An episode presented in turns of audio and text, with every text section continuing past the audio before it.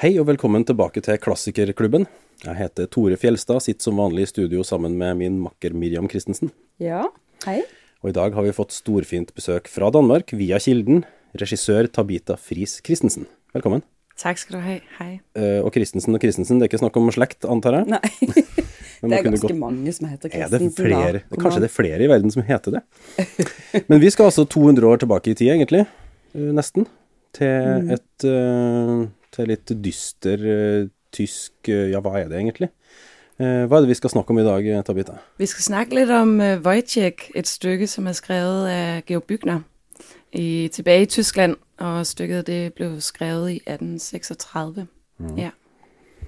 Og um, det første jeg tenker når jeg hører Wojciech, er oi, det her blir sikkert dystert og guffent og fælt og alt som er. Men, men er, det, er det snakk om et veldig dystert stykke? Hva, hva slags stykke Ja, snakker vi jeg, om? jeg synes, der er snak om et vældig dystert stykke. Ja, jeg Det tænkte, bekræftes ligesom. øh, første gang jeg læste, jeg læste det for mange år siden, første gang, og jeg synes jo først og fremmest, at noget, der var spændende ved stykket, er, at det er ikke blevet skrevet færdigt.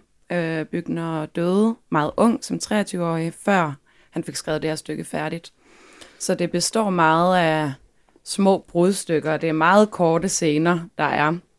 Øhm, hvilket er sådan som instruktør enormt udfordrende at arbejde med, at du ikke har et stykke, der er færdigt, så jeg kan ikke starte det samme detektivarbejde, kalder jeg det, når jeg går i gang med et stykke, hvor jeg undersøger, ligesom, hvad vil forfatteren med det.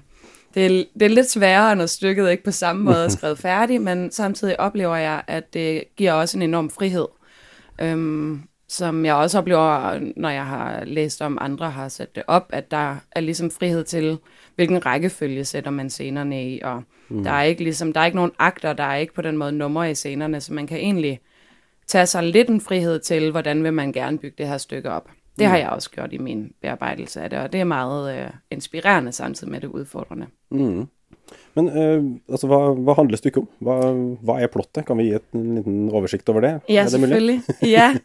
Øh, stykket handler om Wojciech, øh, en soldat, som øh, er kærester med Marie, og de har et lille barn uden for ægteskabet, vel at mærke. Det er lang tid tilbage, så det har en stor betydning på den her tid. Mm.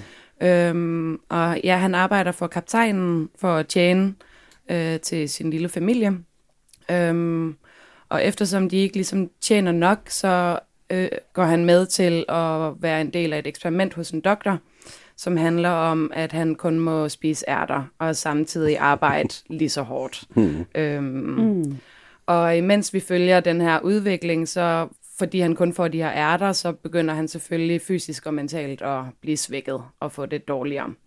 Og han kommer ikke lige så meget hjem til familien, fordi han arbejder ude hele tiden. Øhm, og så begynder Marie at længes efter ham, øhm, og vælger så at have en affære med byens tamburmajor. Mm. Og i det, det her sker, det vælter ligesom hele Wojciechs øh, verden. Og hans mentale tilstand forværres, og han begynder at høre stemmer, som faktisk fortæller ham, at han må tage livet af Marie. Øhm, så det er et meget, meget øh, mørkt stykke, meget tragisk, fordi han vælger at lytte til de her stemmer og tage livet af hende til, til slut. Ja. Det er så vidt jeg vet basert på en faktisk hændelse.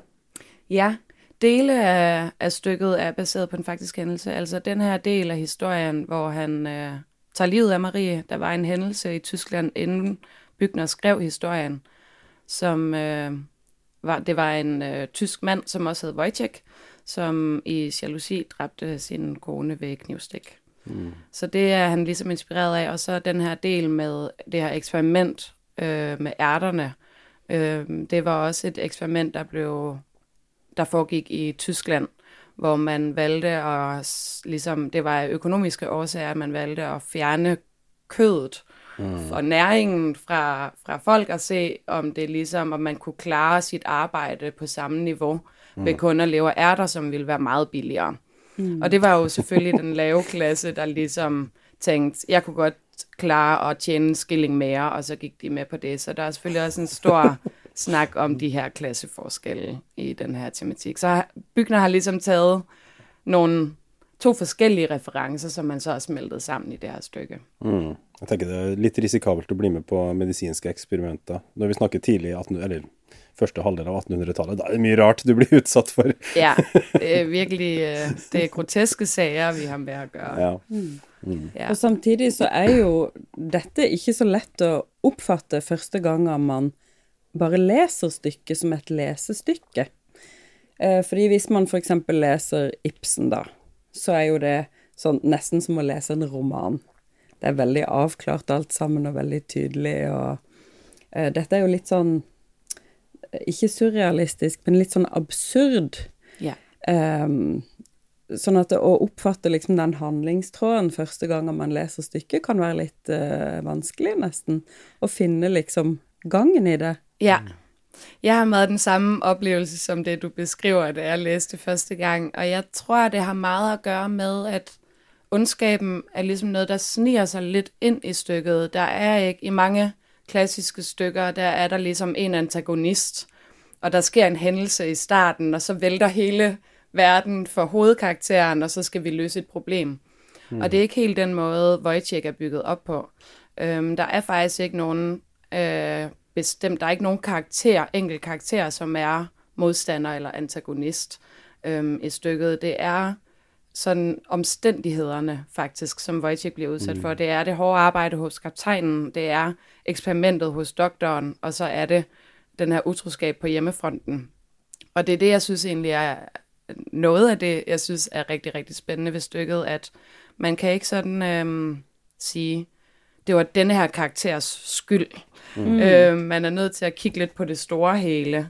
Mm. Øhm, og det synes jeg er spændende i dag, fordi vi kan, jeg tror, vi alle genkender at blive udfordret på arbejdsfronten, på, det, på karriereplan eller på hjemmefronten, men i det, det vælter på hele skalaen, det kan vi ikke holde til. Mm. Og det er det, vi oplever med Wojciech. Men på den måde kan jeg godt forstå, hvad du mener.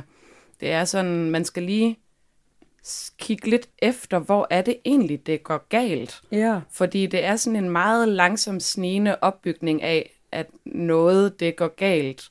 Og pludselig, lidt første gang jeg læste stykket, var jeg også sådan lidt, han dræber hende. Ja. sådan, hvor kom det fra? Ja. Og var nødt til ligesom sådan, nej ja, okay, der sker noget her i starten, der ligesom er faktisk meget ydmygende i forbindelse med doktoren eller med kaptajnen, mm. og der sker noget her. Og så selvfølgelig den her utroskab, der ligesom vælter hans verden. En stor kærlighedshistorie, der også er vigtig, synes jeg. Mm. Mm. Men allikevel så blir det jo ikke skrevet med store ord på den måten. Og den, uh, når hun, Marie er um, utro da med hva heter det? Tamburmajor. Tamburmajor. En tambur er jo en tromme, ikke sant? Ikke et uh, ord jeg pleier å bruke i dagligtalen min, så jeg glemte det litt fort. Uh, men når hun er utro, altså det, det er veldig subtilt hvordan du forstår det når du leser stykket. Ja. Altså, hun, hun ser på han Altså, ingenting er jo eksplisitt rundt det, da. Og Wojciech kommer tilbake og ser at hun har fått to Ørering, øreringer. Ja. ja. Så sier hun at hun har funnet, funnet den. Å ja, men du har funnet begge to, liksom. Du har funnet et helt par. Ja, ja. ja. og det er, det er, veldig subtilt, da. Jeg forstår mistanken. ja. Men det er også, tror jeg, en spændende tematik. Der er mm. to ting, jeg sådan kommer til at tænke på, når du siger det, og det ene er sådan, mm, hvad, hvad er utroskab? Altså, hvad er det, der gør mest ondt i mm. utroskab? Altså, hvor er det handlingen, eller er det relationen? Er det bare tankerne? Er det, hvad er det, der mm. ligesom øh, gør ondt mm. i det? Hvor jeg tror, det kan gøre mindst lige så ondt, at man fascineres og bliver måske småforelsket i et andet menneske, øhm, som den konkrete handling at være sammen med et andet menneske. Øhm, og så er der den her klasseforskel, som jeg tror, eller jeg synes, der er en meget vigtig og stor tematik i stykket. Fordi tamburmajoren er en privilegeret karakter i historien, hmm. har mere rigdom, end Wojciech nogensinde vil kunne give til Marie og til hjemmet. Hmm. Så man kan også sådan se lidt på det og diskutere, køber han hende lidt med ja. de her øreringe? Hvad, hun har måske aldrig stået med så smukke, små juveler, glimtende øreringe i sine hænder før. Mm. Helt klart. Det vil jeg også synes var lige pludselig ret vildt at stå med, og man kunne blive helt blind mm. øh, for ja, relationen og for det, man har. Eller sådan. Det er spændende at diskutere i hvert fald. Man vet at den, det her kan aldri konkurrere med, liksom. Vil aldri kunne bli like rik, vil aldri kunne være like attraktiv på den måten. Lige præcis. Wojciech vil aldrig kunne leve op til det, som Tom Burmejorden vil kunne give Marie. Ja. Mm. Men han har kærlighed til hende. Mm. Og det er jo gjensidig også. Og det er nemlig gjensidig, ja. Mm. Når jeg tenker på Wojciech, så, så, ser jeg for meg Klaus Kinski med en gang. Eh, den ja. derre filmatiseringa som er, er like gammel som meg, for så vidt. Um, Oi, oi. Eh, oi. jeg bare ser for meg det fortvilte ansiktet, og det her liksom Du blir tråkka på og blir sparka ned og blir liksom det, Jeg vet ikke, er det ydmykelsen på en måte jeg sitter igjen med, men er det så mye av det gjennom eh, hele stykket, på en måte? Altså er det, er det en serie ydmykende ja. hendelser, rett og slett? Altså, der er enormt meget ydmygelse i stykket, og det øh, er jo den rejse, der også er så hjerteskærende at følge med i som publikum, synes jeg. Mm. Og som du var inde på, Miriam, det her med, sådan, det sker ligesom gradvist. Man skal lige være lidt skarp for os ikke mm. at falde i og være sådan, haha, det er sjovt, mm. eller sådan, fordi det er ikke sjovt. Men det er netop den konfrontation, jeg også synes er rigtig, rigtig spændende, når man for eksempel sætter den i teateret. Altså, at der er nogle ydmygende øh, situationer, men det er så subtilt, at man også godt kan blive narret lidt til, hvem skal man ligesom følge med her? Fordi der er noget med kaptajnen og doktoren, hvor jeg synes, at det har været rigtig spændende at se på sådan, mm, hvad er deres intentioner egentlig? Vil de ham det bevidst ondt? Det tror jeg ikke nødvendigvis, de vil, men de mm. forårsager ondskab øh, mm. med deres handlinger, men det har enormt meget med den samfundsmæssige struktur at gøre, som de ligesom alle sammen lever i. Mm. Det er jo også en ting som eh, fra den Wojciech-filmatiseringa som jeg har sett uh, for lenge siden. da. Altså Det her med at ja, det er ydmykende, den blir utsatt for, men blir gjort i hurtigfilm. altså Det blir sånn eh, Chaplin-aktig mm. komikk ut av det. Mm. Og så sitter du egentlig og ler, ler av noe som er dypt fornedrende for den som blir utsatt for det. det. det. skaper en sånn uro i, i, i kroppen når du begynner å tenke tenke over hva er det egentlig jeg sitter og ler av nå. Mm. Det er jo helt forferdelig. men, det, men, men, er det liksom det, at det er trukket som måte, groteskt ut i det ja, ut i det groteske, ut i det absurde, at det blir liksom nesten komisk? Er det ja. det som er målet? Ja, for ikke å tale om slutningen. Nå vet jeg ikke om man må uh, snakke om slutninger her i programmet, om vi avslører for ja, mye. Nå har jo du allerede avslørt at, at det skjer et drap, da, så jeg vet ikke hvor mye mer vi kan Nei, men det er så efter drapet faktisk en sånn i mine øjne helt grotesk afslutning, som er svær ikke, og sådan synes, at der også ligger noget sådan øh, tragikomisk humor i, øh, hvor, øh, hvor øh, jeg tror, at i den oprindelige er det faktisk en politimand. Nu sidder jeg jo så dybt nede i min bearbejdelse af stykket. Mm. Men øh, i hvert fald øh, en, en højstatus karakter fra samfundet, der ligesom øh, ser på drabet og siger et godt mor, et vakkert mor, Ja, sådan et ja. har vi ikke haft på længe. Ja. Sådan, hvor man tænker... et vakkert man, altså, Ja, et vakkert mor, altså sådan lukker helt øjnene for ja. konsekvenserne af den her historie og de her handlinger, mm. der ligesom lige er forsaget og sket ser kun på det estetiske og poetiske med det her drapet. Drapet, ja. ja, eller nyhetens interesse. At det, er så lenge siden vi har ja. hatt et mord her i byen. Det skjer jo det, ingenting. Det, det, her skjer det ingenting. Nå skjedde det endelig noe som var spennende. og... Ja. Og det var jo et lidenskapsmord, sant. Det er jo veldig Litt såsig, ikke sant? Oh yes. Litt sånn. Ja. Litt og det er i hvert fall den groteske stemning, synes jeg, som du mm. er inne på. Jeg opplever Men det er ekstremt mye der. Det er jo litt sånn vi grafser i tragedie i vår tid, da. Sånn ja. i media, faktisk. Det, og hvordan det kommer på forsidene. Ja. At det er jo uh... Jeg tror det gjelder til alle tider. ja, det gjør det, veldig, det. Altså, offentlige henrettelser har jo alltid vært veldig populært, ikke sant. Stemmer det for eksempel. Det er også øh, denne her mand, der, øh, som Bygner tog inspiration fra, der begik det her drab. Mm. Øhm, der var diskussion om, øh, hvorvidt han skulle straffes på grund af sit mentale helbred. Øh, men ja. han endte med ligesom at blive øh, hængt øh, og straffet for den her øh, handling. Og der var netop publikums tilskuere, ja. der jublede over det, hvilket er sådan helt ekstremt, at man mm. ligesom kan ligefrem juble over mm. et andet menneskes død. Mm. Men ble han hengt? Ble han ikke halshogd? Halshogget måske. Jeg lurer faktisk på om Ja. Det kan være, ja. Altså enda mer det må. Det vil jeg ikke, øh, ikke være, øh, stå fast på. Ja, oi, halshogget, det kan godt ske. Ja, endnu mere dramatisk. Ja, det er jo det, ikke sant. Og enda mer populært å se på, mm. Ty tydeligvis. Du sitter med boka oppslått her, eh, Miriam. Det noe, ja, har vi noe i vente? uh, det er én ting med Wojciech som karakter som slo meg da jeg prøvde å finne ut hva, hva som egentlig skjer i stykket. Hva er handlinga? Og da sier denne kapteinen som han jobber for, sier på et tidspunkt at Wojciech han ser alltid så forjaga ut. Et godt menneske gjør ikke det. Et godt menneske som har god sam godt samvitt. Si noe da, Wojciech, hvordan er været i dag? Det er en veldig absurd fortsettelse på den um, observasjonen, men det er et eller annet med at Wojciech er en forpint sjel. Han, han er plagd. Kanskje ikke bare av det å være soldat eller å være utsatt for et eksperiment med å kun spise erter eller Maries. Men at, han, at det er noe eksistensielt eh, drama også inni han. Meget. Og vi oplever det helt i starten af stykket, at han, øh, der er den her scene, hvor han er ude og kotte stokke til kaptajnen, tror jeg, i den oprindelige mm. version, og hvor han deler en oplevelse af, at han ser hoveder, der ruller ude i masken. øhm, og at de må væk derfra.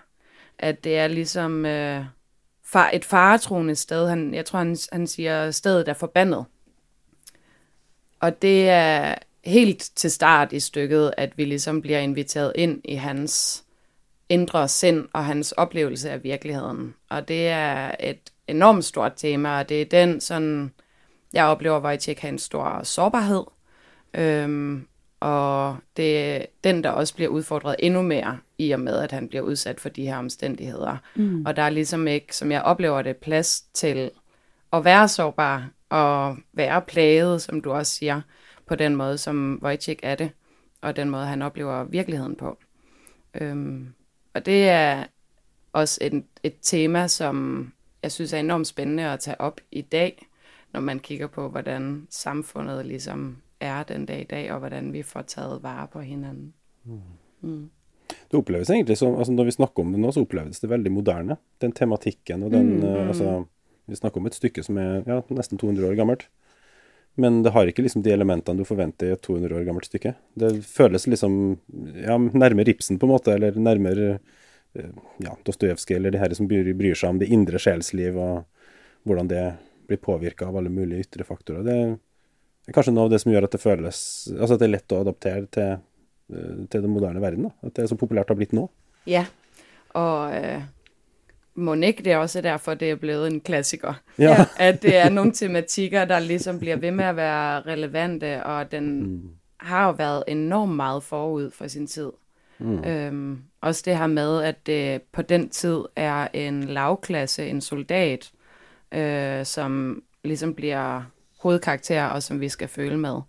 Øhm, det har jo på den tid været også meget u, umødt før, hvis man kan sige det sådan. Mm. Det er ikke mm. noget, der var, var set så meget på den tid. Nei. Han, altså, vi må jo snakke litt om forfatteren også, for han Bykner mm. um, Han døde jo veldig ung. Han, 23? Han rakk jo knapt nok å leve i det hele tatt. Jeg syns det er godt gjort at han i det hele tatt uh, gjorde nok til å bli huska, men altså dør som 23-åring. Ja. Og hvis jeg da kan sitere Store norske leksikon Georg Büchner var en tysk forfatter som ved siden av Goethe og Schiller regnes som den største tyskspråklige dramatikeren på 1800-tallet. Og det på tross av en så utrolig mager produksjon, på en måte. Det, ja. det er jo helt sensasjonelt. Ja, hva har han skrevet? Fem, fem stykker, eller sånn noe? Fem eller seks stykker, tror jeg. Mm, og det var jo bare i løpet av et par år så kom det ut, og så ja. var det stopp. Ja, og kom jo først ut øh, Wojciech i hvert fald, i hvert fald kom først ud meget senere, end mm. ja, ja, ja. det blev skrevet, men har jo virkelig fået en plads i dramatikkens historie. Mm, men den, den ble um, gitt ut først i den æraen hvor den på en måte passer litt bedre inn. da. Ja. ja. Den skrevet på 1830-tallet, men så var det i 1870-tallet. 1879 mm. kom uh, en som heter Franzos og ga ut Bykners samlede og hadde feilstava Wojciech til Wozek, blant annet, pga. at notatene var nesten uleselige. Ja, det var nesten Skulle de ikke omkring et, øh, et museum, som liksom jo. var nødt til at viske det hele frem, fordi ja. det var så gammelt, de skulle have det hele visket frem. Så det er jo også lidt svært at vide rent faktisk, ja. om vi har fået stykket, sådan som, mm. som Bygner havde tænkt, at det skulle være. Mm. Ja, og, og så er det et fragment. altså Det er ikke, det er ikke fullført, på en måte. Nej. Det er egentlig nesten godt gjort at vi har det. Ja. Altså at det har overlevd. Ja. Um, uh, altså, Buchner er jo en sånn uh, what if-historie, ikke sant. En av de her unge, unge døde som uh, Altså Lentz, som jo er oversatt av Jon Fosse i et eget, en egen utgivelse, er jo også et fragment, sånn som man oppdaga blant hans papirer. han skrev et stykke som het Leonce und Lena, som er et sånt lystspill. Ja, det er en sånn, komedie. Så skikkelig sånn satirisk, men, men hovedsakelig komisk. Det, ble, det sendte han egentlig inn til en eh, konkurranse. Men han sendte inn for sent, så det kom tilbake ulest. Og ble heller ikke gitt ut for mange år senere. Mm. Så det, det, er sånn det, Og så døde han jo selvfølgelig av tyfus helt plutselig. Eh, altså What if? Hva om han ikke hadde fått tyfus og kunne ha levd i 20 år, 30 år, 40 år til, og faktisk Altså hva slags posisjon ville han hatt da, ikke sant? Når han allerede er regna som en av de største på 1800-tallet? Mm. Eller kanskje hadde den sølt det bort, hvem vet. ja, sikkert mange stykker vi kunne ha haft i vores hænder og arbejde med ja, på vores sant? tid. Det Men jeg tenker, det er jo også noe av det som er sånn tiltrekningskraft i um, både ved kunstnere og forfattere og det er disse som dør veldig unge, og som mm. har skrevet noe sånn helt sublimt, eller laga noe helt fantastisk. Det er jo vi veldig fascinert av. Ja. Og det var man sikkert fascinert av da også, når mm. Eh, stykket ble publisert. What if? Ja, og så er det noe med det fragmentariske og um, de veldig korte scenene og den abrupte stilen på en eller annen måte. Mm. Og, det, og ganske sånn gåtefulle replikker som ikke alltid noen ganger så føler du at de menneskene som er satt sammen i en scene, de snakker egentlig ikke sammen engang, sant? Mm. De bare sier ting ut i rommet. Jeg tenker det er noe som appellerer veldig til et mod veldig moderne teater. Så det er ikke så vanskelig å se for seg hvorfor dette fremdeles blir spilt, da. Mm. At det er mye man kan gjøre som instruktør eller skuespiller eller eh, men der er så mange lag i det her stykke, mm. man kan fortolke det på så utrolig mange måder. Øhm, og det er jo også en grund til, tror jeg, at stykket bliver taget op igen og igen og igen, at man kan trække det i mange retninger, og tiden er jo i bevægelse, og der er forskellige ting, der sker i vores verden og mm. i dag, og så vil man måske fortolke det på en anden måde i et senere årti, fordi at der er noget andet, der ligesom er relevant i stykket i dag.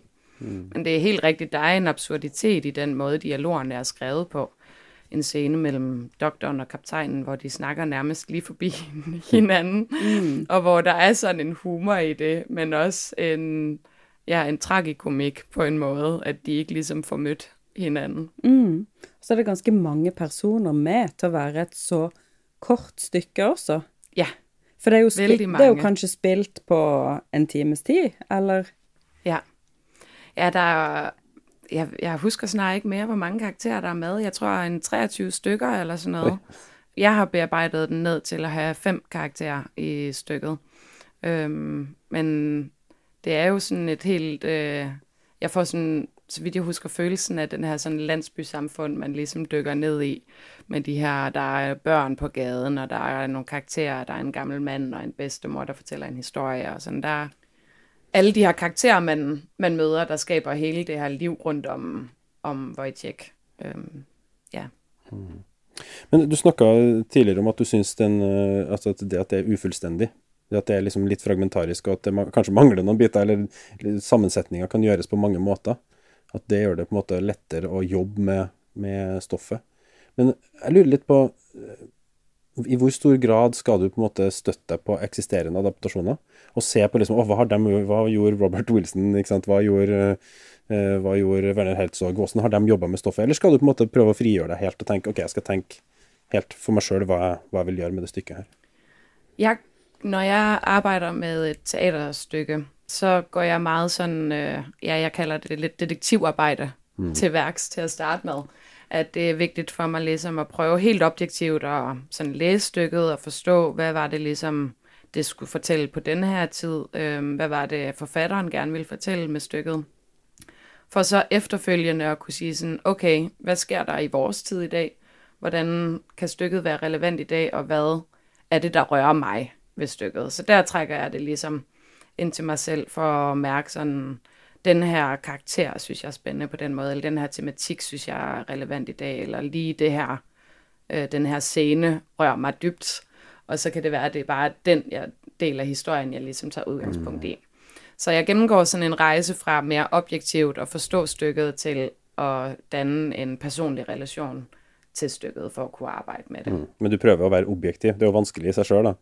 Ja, det er meget vanskeligt. Ja, det er meget, meget vanskeligt. Øhm, fordi selvfølgelig vil jeg til hver en tid, allerførste gang jeg læser et stykke, blive følelsesmæssigt påvirket i en eller anden grad, hvis mm. det er, det taler til mig selvfølgelig stykket.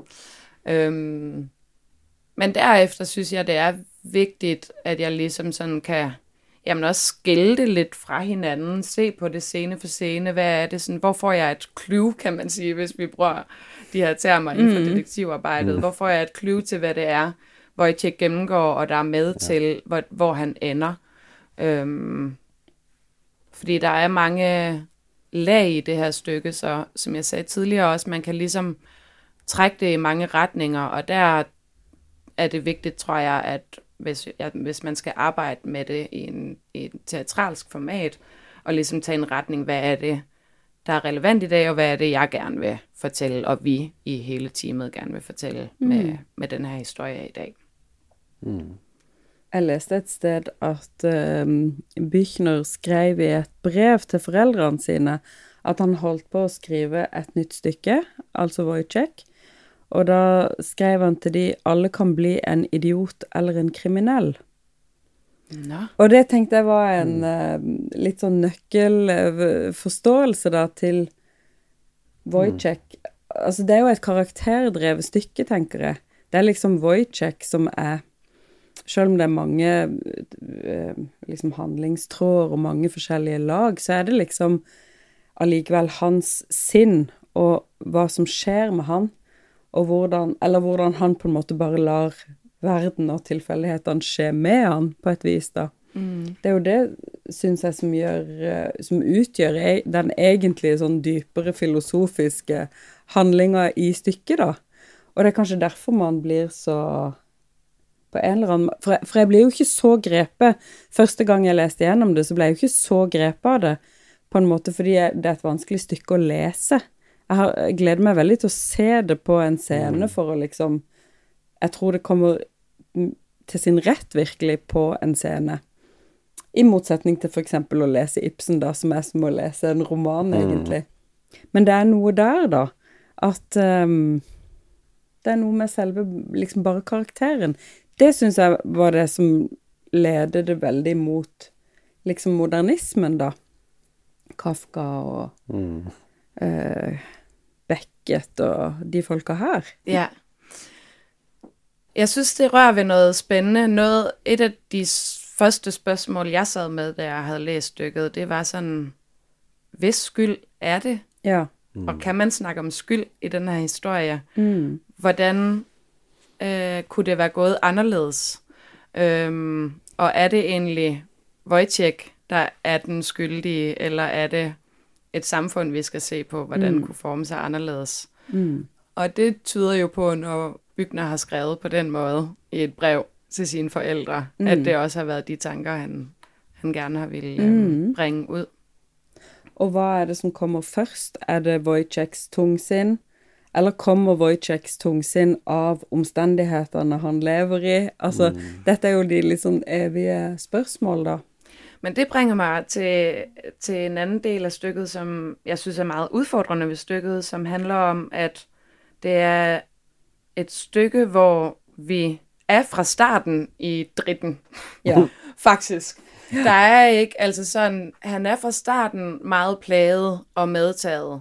Så det er et virkelig godt spørgsmål, hvor mm. meget kommer fra ham, og hvor meget kommer fra omstændighederne. Mm. Fordi som jeg læser det, så har det her eksperiment allerede været i gang i noget tid, når vi starter. Og der er egentlig mm. ikke i mange øh, stykker oplever jeg, at der er sådan en første periode, hvor alt er godt. Ja. Det går godt på hjemmefronten, de har det godt med hinanden, og der er ro på, og så kan det ligesom gå galt. Mm. Det er ikke det, vi oplever i Wojciech. Det er bare sådan, bum, ja. lige på hårdt. Han ser hoveder, der ruller i græsset, og der er noget, der ligesom følger efter ham. Og det er den første dialog sammen med Marie, der er han allerede forstyrret mm. af de her oplevelser, han har, og det her sind, som han er, han er plaget af. Så det er virkelig udfordrende, hvordan får man lavet den her sådan dramaturgi på en måde, hvor der stadig sker udvikling, fordi det er fra start af øh, virkelig, ja. virkelig mørkt og trist. Det bare går, det bliver bare værre. Ja. ja. og så er det jo en helt forfærdelig eh, slags sånn monolog eller fortelling, kanskje, som du sa, bestemor, mm. som har en sånn lengre uh, replikk, da. Uh, det står 'framfor ytterdøra' er scenen, mm. og så står det 'Marie med småjenter'. Men etter småjentene, plutselig kommer det bestemor. Mm. Og så forteller hun en sånn liten historie om det var en gang et fattig barn som ikke hadde mor og ikke hadde far. Alt var dødt, og ingen fantes på jord. Alt dødt, og barnet gikk og leite dag og natt. Og siden det ikke fantes noen på jord lenger, så ville det gå til himmelen og månen, kikka så vennlig ned på barnet, og da det endelig kom til månen, var han et råte trestykke. Og da gikk barnet til sola, og da det kom til sola, var hun ei vissen solsikke, og så videre. Så det, det, er på en måte Det er så utrolig sånn håpløst. Ja, og den historien blir kun mer håpløs, hvis øh, ja. man læser den færdig, for den ender bare Ja, jeg vet ikke om du vil det. Barnet var helt alene der, og det setter seg ned og gret, og der sitter ennå og er helt alene. Er det menneskets lodd, da, øh, på jorda? ja, det er et virkelig godt spørgsmål. Man kan jo i hvert fald sige sådan, øh, sådan en fortælling i en fortælling. Ja har altid enormt meget at fortælle. Ja. Eller sådan, det er jo svært næsten ikke at læse hele historien mm. ind i den her fortælling, og hele vores øhm, ja, sådan eksistens, som du også rører ved, mm. ind i den her historie, den her ensomhed. Øhm, nu var du selv inde på Beckett, og Beckett sagde jo noget i stil med, at vi bliver født alene, og vi dør alene. Ja. Den her ensomhed var en stor tematik i hans værker, og det er også en stor tematik i denne her verden. Vi oplever det ved flere af karaktererne, også mm. ved kaptajnen, selvom han har det høje status, oplever jeg den her store ensomhed, og vi oplever det hjemme Marie, der mm. savner at have Wojciech derhjemme, den her ensomhed, og vi oplever det helt sikkert også hos Wojciech med hans, hans verdenssyn at være meget alene og ikke blive mødt af nogen. Mm. Og vi kan stille spørgsmålstegn ved, hvis virkelighed er den rigtige virkelighed. Vi oplever alle virkeligheden forskelligt, og hvilken virkelighed skal man tro på? Og mm. det bliver han jo stærkt udsat for. Det er ikke veldig oppløftende, jeg må indrømme det. Nej, det er meget, øh, det er meget, meget øh, mørkt stykke. Mm. Øh, det synes jeg som instruktør er virkelig spændende. Mm. Jeg oplever, at vi øh, godt kan være lidt bange for mørket, i vores virkelighed, og i den måde, jeg i hvert fald oplever mennesker på i dag, og oplever at være i verden på i dag. Mm. Og jeg tror, det er vigtigt, at vi tør omfavne det her mørke, og ikke være så bange for det, for ligesom at kunne, øh, ja, hvis vi tør møde det, så kan det være, at vi bedre kan dele med det på en måde. Mm. Øhm, så jeg synes, mørket er virkelig vigtigt at portrættere i teatret. Mm.